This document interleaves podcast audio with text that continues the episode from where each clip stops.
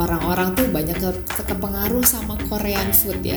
Beberapa brand ini juga langsung ekspansi secara cepat gitu loh. Karena memang namanya tren, kita nggak bisa lama-lama nih.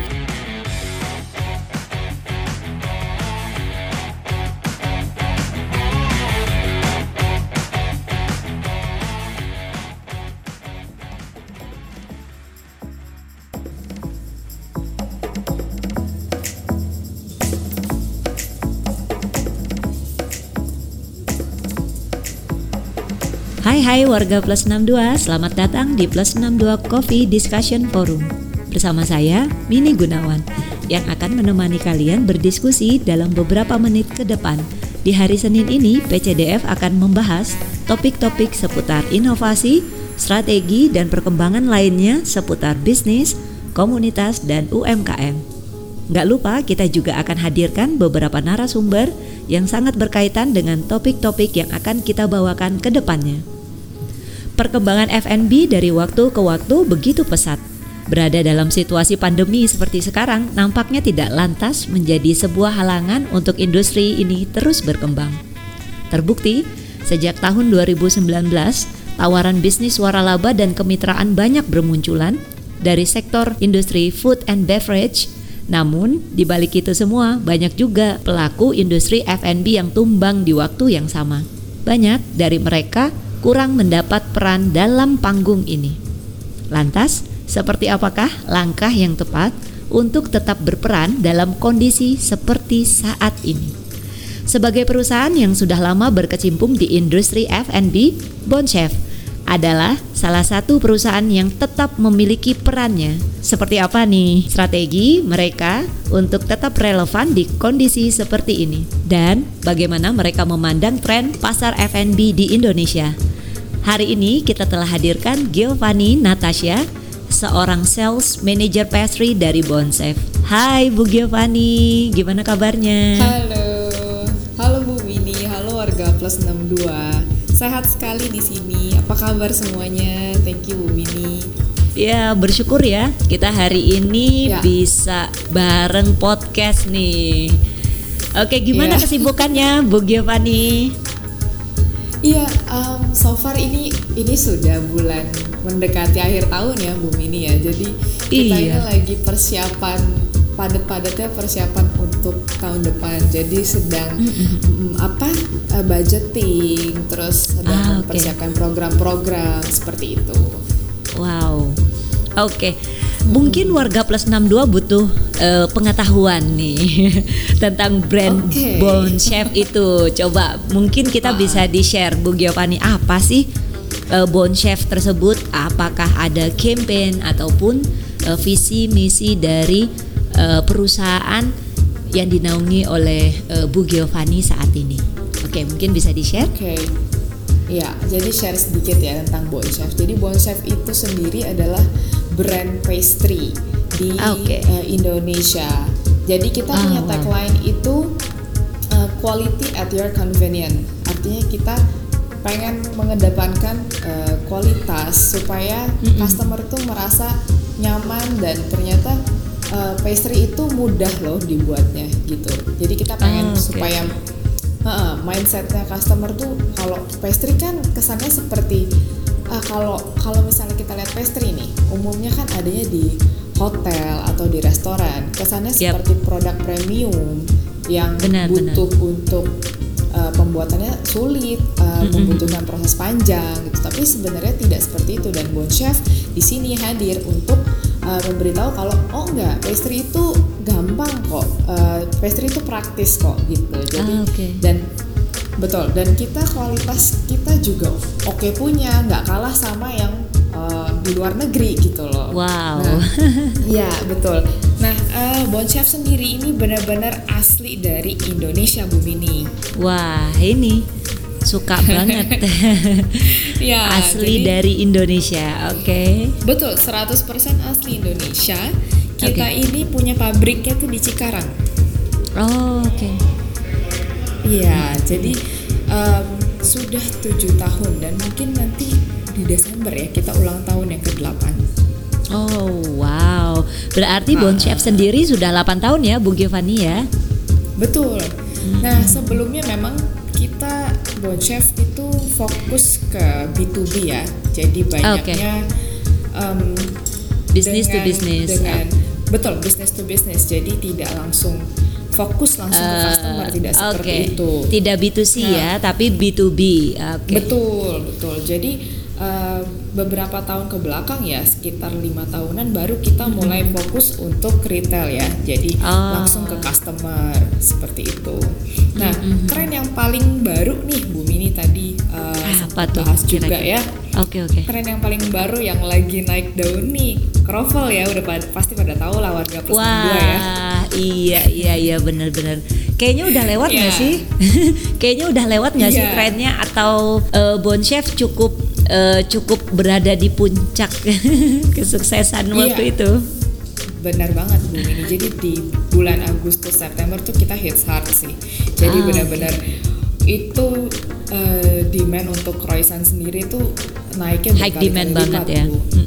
betul jadi uh, semenjak ada tren croffle nih, mm-hmm. masyarakat Indonesia tuh sudah mulai common sama yang namanya pastry. Ah oke, okay. berarti waktu pada saat tren ataupun uh, ini ya istilahnya tren tersebut terjadi di saat bulan Agustus sampai dengan bulan uh, sekian itu ya. cukup membuka cukup membuka apa pemahaman orang-orang Indonesia akan pastry ya. Betul, betul, hmm, betul sekali. Okay. Itu awalnya mungkin mungkin ya uh, beberapa hanya beberapa lah ya kayak semacam ibu-ibu yang buka UMKM atau Betul. dia hotel-hotel, restoran itu itu yang tahu terkait pastry gitu. Tapi untuk ibu-ibu rumah tangga, ibu-ibu yang sekarang jadi publik hanya, jadi tahu semua ya. nah betul. Jadi sekarang tuh udah kayak snack di rumah juga bisa dibikin dari betul. lembaran pastry seperti itu. Oh wow. Nah uh kalau terkait kegiatan Bon Chef sendiri selama pandemi apa aja nih yang kira-kira dikembangkan oleh Bon Chef Bu Gio? Ya, oke. Okay. Jadi gini, hmm, memang pandemi ini sempat ya Bu ya. Pasti kita semua merasakan apalagi yang di industri F&B ya. Kita yeah. pasti merasakan yang namanya pandemi ini sempat membuat uh, sulit ya karena yeah. Ya. uh, sesuai dengan peraturan pemerintah dan kita juga harus submit dengan pemerintah Betul. itu uh, untuk kegiatan dan aktivitas berjualan tuh sangat-sangat dibatasi. Nah, gimana dengan brand Bon Chef sendiri. Uh, Oke. Okay. Karena kan kita nggak nggak gimana ya ngomongnya. Jadi kita nggak langsung direct ke customer. Which is kita harus harus juga melalui mendistribusikan produk kita melalui rekan-rekan customer reseller, cafe, mm-hmm. yeah, hotel, yeah. resto gitu kan. Nah ini ini cukup berpengaruh besar sih terhadap uh, penjualan Bon Chef ya uh, beberapa waktu terakhir karena pandemi. Tapi bersyukur nih okay. Bu ini yeah. kita ini adakan beberapa kali itu dan konstan ya itu yeah. dengan demo online. Ah oke okay. cukup memberikan yeah. cukup memberikan banyak ini ya banyak effort ya untuk Betul. tetap bisa berkreasi di masa pandemi begitu ya Bu Gio. Betul. Jadi hmm. di 2020 yang lalu kita memang benar-benar drop drop sekali gitu. Jadi sekarang aktif ya.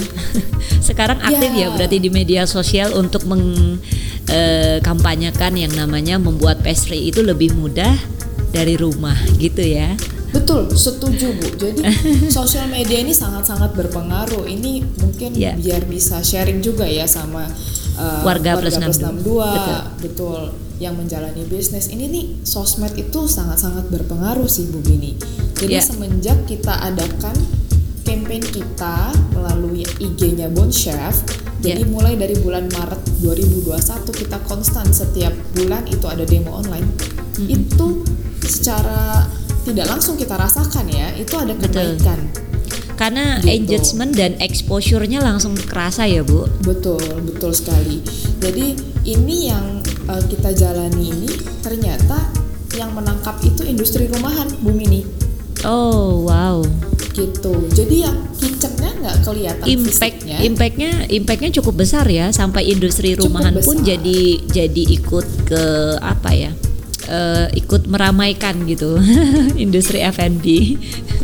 Lalu mengenai peluang dan prediksi industri F&B sendiri nih Bu, terutama pastry, eh, kira-kira mungkin ada tren-tren terbaru nggak nih Bu di 2022?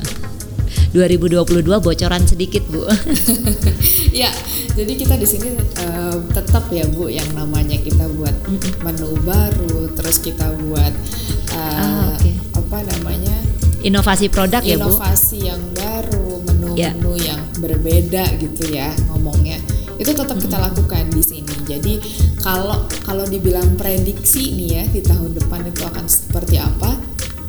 Prediksinya sih nggak bisa yang terlalu spesifik mungkin. Cuman kalau kita lihat, oh, oke, okay. kita lihat yang sebelumnya ya Bu Mini, iya. orang-orang tuh banyak ke, kepengaruh sama Korean food ya.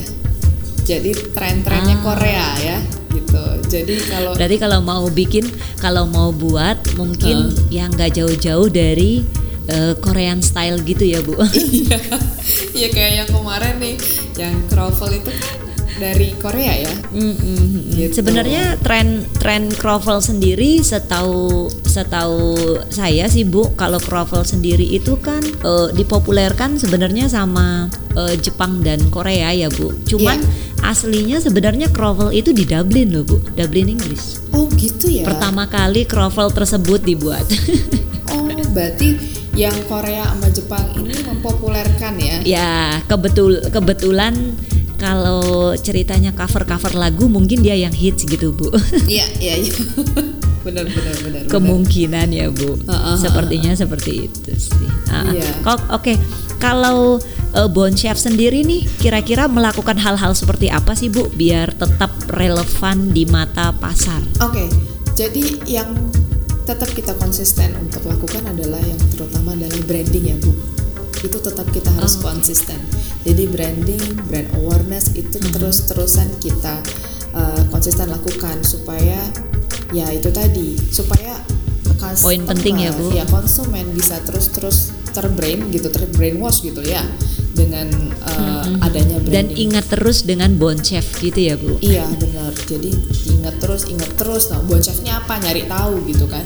Jadi intinya kita tetap terus ah, konsisten okay. branding, brand awareness ya, terutama exposure kita di sosial media maupun dengan kegiatan offline juga nih Bu ini. Karena sekarang udah lebih leluasa untuk adakan event offline ya gitu. Iya, karena sering saya juga berbagi berbagi informasi nih Bu ke UMKM saya pada saat saya ngajar mm-hmm. uh, di depan mentor UMKM coaching UMKM saya selalu bilang uh, pentingnya kita untuk konsumsi konten dulu sebelum konsumsi produk Ibu. Ya, setuju Bu ini. Jadi penting Iya, pentingnya kita membuat dan reach ide ya tentang konten gitu. Jadi Betul. hari ini kontennya apa, besok kontennya apa. So kalau masih relevan dan masih uh, sesuai dengan bidangnya kita nggak apa-apa. Kalau saya pikir explore aja. Kenapa? Uh, brand awarenessnya itu yang benar-benar kita harus jaga sustainability-nya, ya kan? Iya benar Bu. Biar selalu diingat orang ya Bu. Betul. Jadi selain kita uh, konsisten branding, otomatis kita juga harus evaluasi bu kualitas produk kita seperti apa. Jadi kita iya, nggak ya, nggak kayak pakai kacamata kuda tetap nih. harus bener tetap uh, harus kontrol ya bu. Bener jadi kita nggak bisa tuh cuma lurus jalan aja sendirian tapi kita nggak lihat kiri kanan. Ternyata kiri kanan punya iya. inovasi yes. gitu kan? Jadi kita tetap harus evaluasi untuk kualitas produk kita sendiri. Karena again yang tadi tagline di awal itu adalah Bon Chef ini quality at your convenience gitu itu sih luar biasa luar biasa Bon Chef uh, saya jadi makin kenal dan makin tahu nih produk-produk Bon Chef itu cukup memiliki kualitas yang baik iya. malah sangat baik ya Bu yang di iya. pasaran karena saya juga terbiasa menggunakan untuk di uh, di rumah untuk hmm. homey saya juga untuk menyajikan keluarga tercinta harus disajikan dengan bahan-bahan pilihan tentunya ya Bu. Ya betul. Lalu bisnis F&B juga uh, Bon Chef uh, salah satu menjadi pilihan juga ya Bu untuk supply di F&B yang ada di Indonesia gitu ya, ya Bu. Betul, betul, betul sekali. Oke, kita kembali ke tren croffle nih Bu. Kenapa sih tren croffle itu bisa begitu tinggi saat itu? Apakah karena teknik marketingnya atau dari segi pasarnya atau orang-orang yang memang haus akan tren tersebut atau gimana nih Bu kira-kira? Oke, kalau saya lihat ya Bu, ini kami juga uh, bareng-bareng di sini pelajarin ya. Wah ini ada tren apa, terus sampai bisa seperti ini tuh gimana ceritanya gitu ya Bu Mini. Begitu Jadi, happening gitu ya. Benar. Jadi ini orang Indonesia sekarang sekarang sampai ada klasemennya loh Bu. Oh ya? Iya, kalau di Jogja oh. sendiri itu udah ada klasemennya Bu. Jadi ada yang uh, seperti coffee shop saya juga kan termasuk ya Bu untuk uh, menjual kroffel di awal-awal itu cukup luar biasa ya. effortnya itu luar biasa dan pembeliannya itu luar biasa dan tapi kami batasi bu untuk kontrol uh, kami memiliki kontrol yang baik untuk penjualan dan untuk di aftertaste juga bu supaya hmm. Uh, apa ya customer kita juga uh, tahu untuk mendapatkan produk-produk itu ya memang harus sabar gitu ya bu. Betul betul. nah kalau kalau kalau tren croffle itu sendiri gimana tuh bu kira-kira menurut ya. Bu Gio? Jadi itu tadi Bu, kalau dilihat kan trennya ini datang dari Korea. Jadi um, ini kalau nggak salah ya, tapi boleh dikoreksi. Jadi ada salah satu youtuber di Korea, dia bikin menu croffle. Jadi dia kayak ini loh, uh, a day in my life gitu loh Bu Mini. Jadi kayak vlog ah, hariannya okay. dia, vlog daily life-nya yeah, dia yeah. gitu. Dan dia buat satu menu ini dan ini jadi bikin orang kok gampang ya ternyata dan katanya enak jadi orang kan penasaran hmm. gitu nah oke okay, sesuatu yang simple Betul. bisa dikerjakan di mana saja tapi kok kayaknya enak gitu ya itu yang membuat Betul. orang penasaran mungkin ya betul sekali jadi um, akhirnya sampai ke Indo ada yang create menu ini Bu Mini gitu oh, okay. as we know lah ya beberapa brand ya jadi uh, yeah, mereka yeah, yeah. langsung tangkap tren ini dan mereka juga hmm. langsung cepat-cepat pasarkan. Langsung diadopt. Betul. Langsung diadopt, langsung dipasarkan di Indonesia dipasarkan. untuk mengikuti tren tersebut. Betul. Dan yeah. beberapa brand ini juga langsung ekspansi secara cepat gitu loh. Karena memang tren namanya tren kita nggak bisa lama-lama nih. Hmm. Oh nanti aja nih buka okay. di sini gitu nggak bisa. Seperti Mm-mm. Seperti sesuatu yang udah kebaca trennya sekitar 3 sampai dengan lima bulan saja gitu ya Bu. Iya, benar. Jadinya harus cepet-cepet cepet-cepet buka ekspansi bisnisnya ya. Betul. Berarti usaha yang usaha yang cukup uh, singkat ya Bu umurnya. Iya, betul Bu Mini. Jadi sebenarnya ah. untuk usaha ini sendiri ya kita nggak bisa nggak bisa ngejudge juga kalau ini bukan uh, long betul, last ya, betul. tapi maksudnya ya, ya. ini tren prediksi ya bu betul tidak bertahan pengamatan lama nah tapi betul. bu bukan berarti dengan tren yang tidak bertahan lama ini artinya menunya langsung hilang.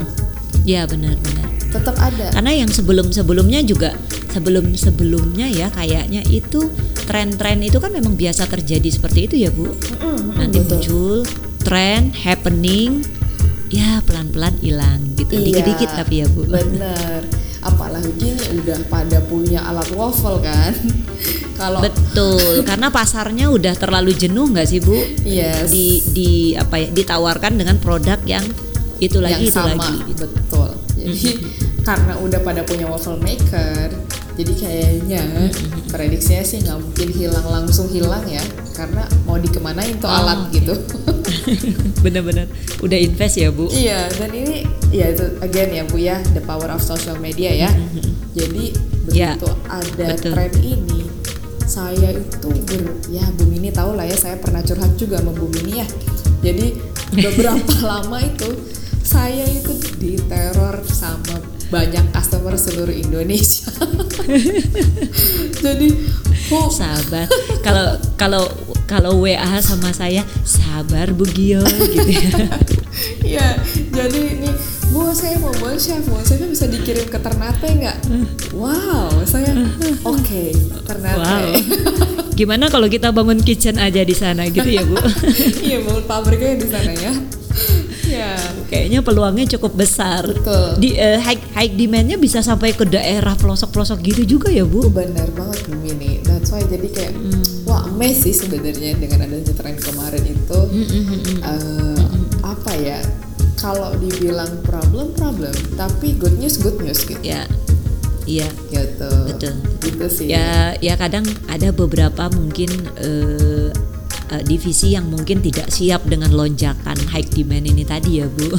Ya, permintaannya luar biasa soal pastinya. Betul, betul. ya saya sebagai tim sales saya sangat senang dengan hal ini.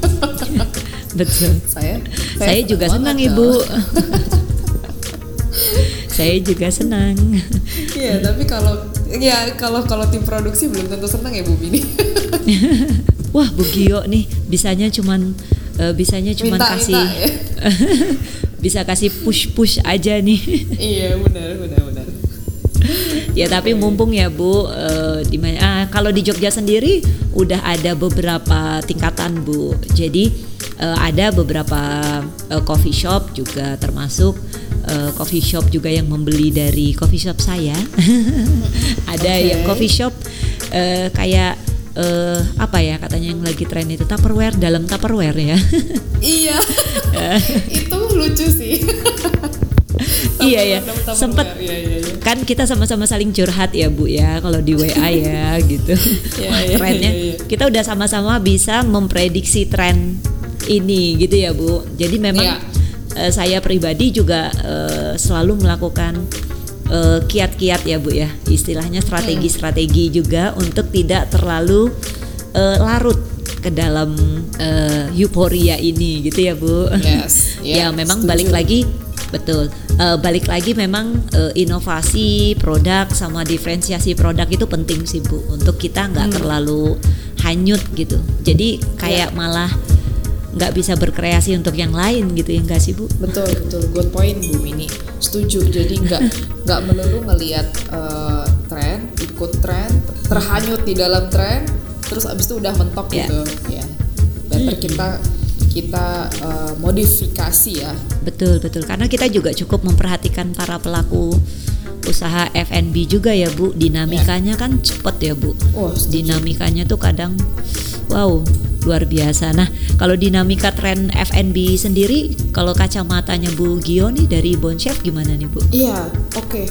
Em, jadi sebenarnya Bu, kalau kita lihat ya, kayak ini chef juga. Jadi kita di sini di Bon Chef ini punya chef yang yang adain demo-demo gitu ya. Jadi chef ini kebetulan itu banyak sekali demo di banyak tempat nih Bu Mini. Jadi nggak cuma di Jakarta, kadang juga ke Bandung. Nah, kemarin kita juga punya eh, chef tim kami yang ada di Jawa Barat itu pergi sampai ke Bali. Jadi kalau Oh, boleh wow. dilihat nih setiap daerah itu punya ciri khas customer masing-masing gitu loh. Jadi belum tentu nih. Oh, oke. contoh kata ya orang Jakarta suka keju. Belum tentu orang Bandung suka keju. Kalau orang Jogja Iya, suka coklat belum tentu orang Surabaya suka Iya, coklat jadi kita benar-benar Oh, Oke. harus nyesuaiin yang namanya eh, habit atau apa ya kebiasaan masing-masing area gitu masing-masing penduduk gitu Hmm, nah Oke oke. oke. makanya sepakat. Inline dengan yang Bu Mini bilang nih eh, Ibu Mini sampaikan tentang dinamika dari tren sendiri wah ini sih macam-macam Bu Mini naik turun ya gitu Mm-mm. jadi kadang ya bukan mau curhat juga nih jadinya tapi eh, untuk untuk bisa create menu yang sesuai dengan customer itu to be honest kita coba menemukan banyak banyak challenge ya intinya gitu jadi kadang kita Oh, oke. kita mau kita mau unik nih Mini. Menarik. Mm-mm. Ini Betul. nih yang saya saya yang jadi andalannya chef jalan ya. Itu ada beberapa menu. Mm-hmm. Contohnya croissant nih. Croissant biasanya dimakannya bentuknya kayak bulan ya, Bu Bini ya. Betul. Bentuknya betul. kayak keong. Ah, Nah, oke. Chef Jalan punya satu menu andalan namanya cube Danish. Ah iya ya. Heeh. Eh, kemarin kayaknya aku sempat juga deh Iya. lihat di Instagramnya Bon Chef ya. Ya betul. Jadi Cube Dennis. Makan- Bentuknya heeh, makan kotak, croissant, terus betul. tengahnya ada isinya. Betul. Betul. Tapi layer-layernya sama kayak croissant gitu ya. Betul. Itu itu jadi apa ya sesuatu Eh, yang tolong berbeda. tolong saya dan warga plus 62 dikirim ya Oh, kita ke sana aja deh nanti saya bikin ya deh ampun warga plus 62 wah kayaknya boom ini ngajak-ngajak warga plus 62 aja nih gitu ya Iya, iya, Iya dong, iya. biar kita bisa merasakan benefitnya tuh sama-sama Iya, gitu ya. Boleh banget. Sama dengan yang mendengarkan. Boleh banget Bu Bini. Nanti kita ke sana ya. Siap, boleh boleh. Dinamikanya cukup berbeda-beda ya Bu, trennya di Betul. masing-masing daerah ya. betul, betul. Nah, Karena habitnya, karena apanya lagi nih Bu? Uh, jadi memang satu dari habit, terus habis itu dari menu-menu tradisional si daerah itu sendiri kan sudah membentuk lama nih di masing-masing tempat. Oh iya. Jadi ya benar. otomatis itu jadi benchmarknya masing-masing area gitu. Nah itu yang kita harus pinter-pinter. Oh gimana ya biar masuk ke area ini? Gimana ya biar masuk ke sini gitu. Gitu. Nggak nggak jarang loh Bu Mini. Justru kita temukan ya yang eh, kembali lagi nggak perlu sampai berinovasi sampai gimana banget nih ya si pastry-nya. Mm-mm. Tapi cukup kembali ke menu yang jadul tapi enak dan mudah. Ha-ha, kayak kayak nostalgia sama nge-recall lagi ya. Benar. Iya nggak sih Bu? Contoh ya, Hmm. yang pasti sudah pada tahu nih warga plus 62 juga udah pada- pasti udah pada tahu lah. Bolen pisang. Ya. Ah, oke oke oke. Itu Ah, pasti. karena sekarang lagi lagi lagi musim hujan juga cocok nih kayaknya nah, ya Bu ya. bener ditemenin kopi lagi. Aduh, jadi lapar sekarang. Oke oke. Itu Berarti bolen pisang itu juga bisa menggunakan pastry dari Bon Chef. betul gitu ya Bu. betul sekali. Ah. Jadi eh, bolen pisang ini justru yang yang banyak Tolong tolong chef, tolong chef saya di WA ya rahasianya gitu. Denis Denis Pastry sendiri ada beberapa ini Bu. Ada beberapa isian Bu.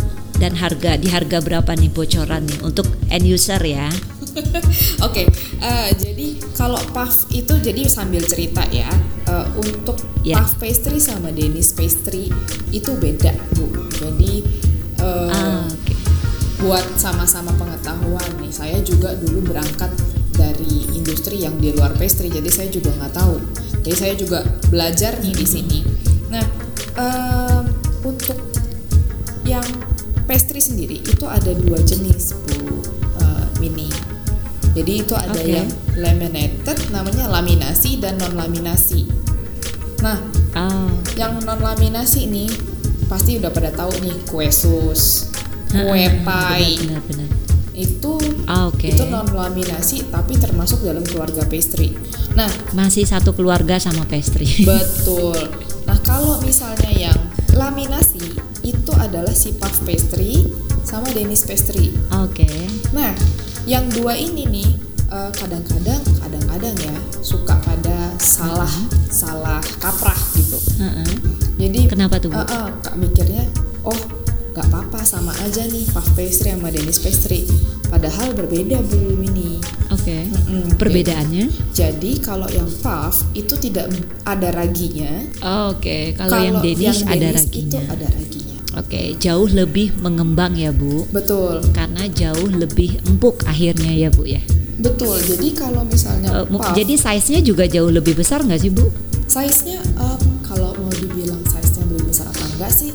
Sama-sama ngembang bu. Cuman ngembangnya yang satu Oh, jadi oke. eh, Heboh gitu ya. yang satu ngembangnya heboh gitu. ya.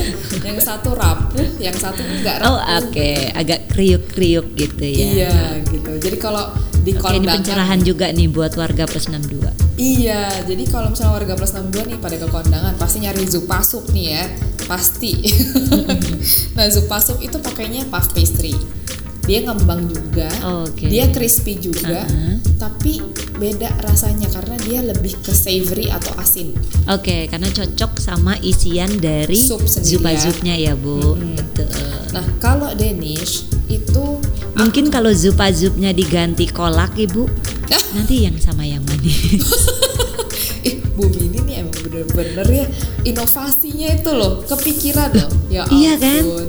Bener sih. soalnya kalau yang gurih, savory kan bisa buat ini. Terus kalau yang kolak kan bisa bu, kan inovasi. Bener loh, nggak kepikiran loh nanti Iya, soalnya kolak ya. kalau dimakan kayak gitu, waduh, saya malah betul betul harus bu, harus dikasih dikasih Ya, nanti- informasi bu, nanti saya bilang. chefnya bu. nanti di biar bikin Mini ya. buat sajian ya betul sajian bulan Ramadan nanti ya ibu Iya, bener. Nanti kita coba ya, Bu.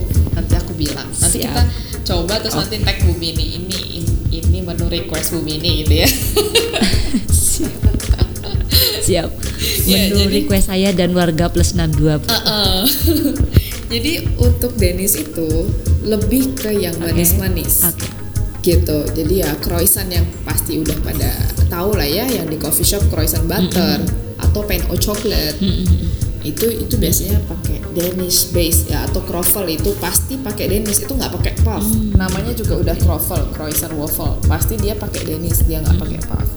Cuman ada beberapa yang Karena lebih aplikasikan kriuk-kriuk Mm, ada beberapa biar Bu, lebih renyah yang aplikasikan menggunakan puff cuman kalau puff itu tidak akan selayer seperti croissant. Oh, oke. Gitu. ya karena croissant sendiri layernya banyak banget ya bu. Iya betul. Luar biasa layernya. Gitu. Nah terus tadi eh, tadi kita seru bahas- seru. Tadi tadi inti pertanyaan apa Sampai gara-gara gara-gara gara-gara ngomongin tentang pastry, puff, Denis, akhirnya saya lapar ini Bu kayaknya. ini warga plus 62 yang dengerin lapar nggak ya? Pas Lapar saya- hujan-hujan dengerin podcast kita gitu. Akhirnya langsung kebayang nanti kalau ke supermarket cari eh, frozennya juga ada ya Bu, banyak ya Bu, Bon Banyak, Chef ya banyak. Bu. Banyak Semua udah disuplai ke supermarket, ke Sudah, sudah beberapa toko-toko kue bahan kue juga lengkap ya Bu. lengkap lengkap kalau mau cari di supermarket ada di toko bahan kue terdekat ada Jadi nggak di DM sama di teror lagi by WA ya Bu. itu masih ada sih Tergantung sih. tergantung, tergantung eh, wilayah ya Bu.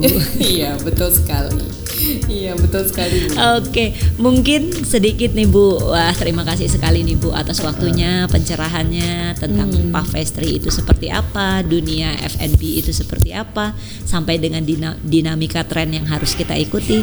Mungkin sedikit nih Bu, closing statement dari Bu Giovanni tentang eh, dari rangkuman podcast kita hari ini, Bu. Iya, oke. Thank you loh Bu Mini uh, udah ngajak ngobrol-ngobrol nih hari ini. Nah, jadi intinya sih kita tuh jangan pernah takut ya coba-coba hal baru. Jangan pernah kita mau uh, stuck di satu tempat atau satu hal yang kita tahu gitu. Jadi nggak apa-apa kalau kita mau coba hal-hal yang baru. Terus habis itu kita walaupun nih ternyata pas dicoba oh nggak terlalu bagus hasilnya. Yang penting kita coba gitu loh. Bon Chef tuh termasuk um, salah satu produk melakukan inovasi-inovasi untuk menunya supaya apa? Supaya konsumen itu merasa oh ini suitable gitu, oh ini sesuai dengan kebutuhan gitu. Jadi kita harus lakukan inovasi-inovasi, kita terus coba lakukan banyak hal supaya apa? Supaya kita nggak ketinggalan zaman. Jadi untuk warga plus 62 juga nih yang mau mulai usaha atau yang mau coba contohnya nih eh, buka usaha untuk pastry itu jangan takut karena pastry ini udah nggak sulit untuk dikembangkan. Pastry ini udah Ya. mulai gampang eh, untuk supaya bisa jadi usaha gitu. Modalnya cuma oven sama freezer udah selesai. Gitu. Mm-mm, Bener. jadi nggak usah takut tetap berinovasi tetap eh, apa namanya berani lah ya take a step gitu. Itu sih paling Iya. dari saya Wow, terima kasih Ibu. Mungkin eh, sedikit dari saya eh, peluang pastry itu cukup besar untuk warga plus 62. So jangan lupa berkreasi dan berinovasi. Eh, tetap semangat. Iya. Eh, happy dalam melakukan banyak hal. Siapa tahu industri pastry itu passion kamu loh, Iya, ya. benar. Oke, so jangan lupa share ke teman-teman kalian, share ke story kalian. Siapa tahu banyak dari teman-teman kalian yang butuh banget topik ini. Jadi lebih banyak lagi yang dapat manfaat dari podcast ini. Kirim kritik dan saran untuk podcast kami di Instagram @62.official atau Instagram saya @mini underscore gunawan untuk topik-topik seputar inovasi, strategi, dan perkembangan lainnya seputar bisnis, komunitas, dan UMKM. Jangan lupa juga kunjungi dan follow Instagram at bonchef.id untuk cari tahu info-info seputar produk ataupun kegiatan mereka. So, terima kasih Bu Giovanni sudah share ilmu dan wawasan mengenai topik kita hari ini kepada warga Plus 62. Semoga dapat membawa dan membangun gairah positif kepada warga Plus 62. Thank you banget atas waktunya. Sehat selalu. Sampai di sini episode kali ini. Saya Mini Gunawan dan saya Giovanni Natasha. See you to the next episode Thank exclusive you. on Spotify. Thank you Bu Mini, thank you warga Plus 62.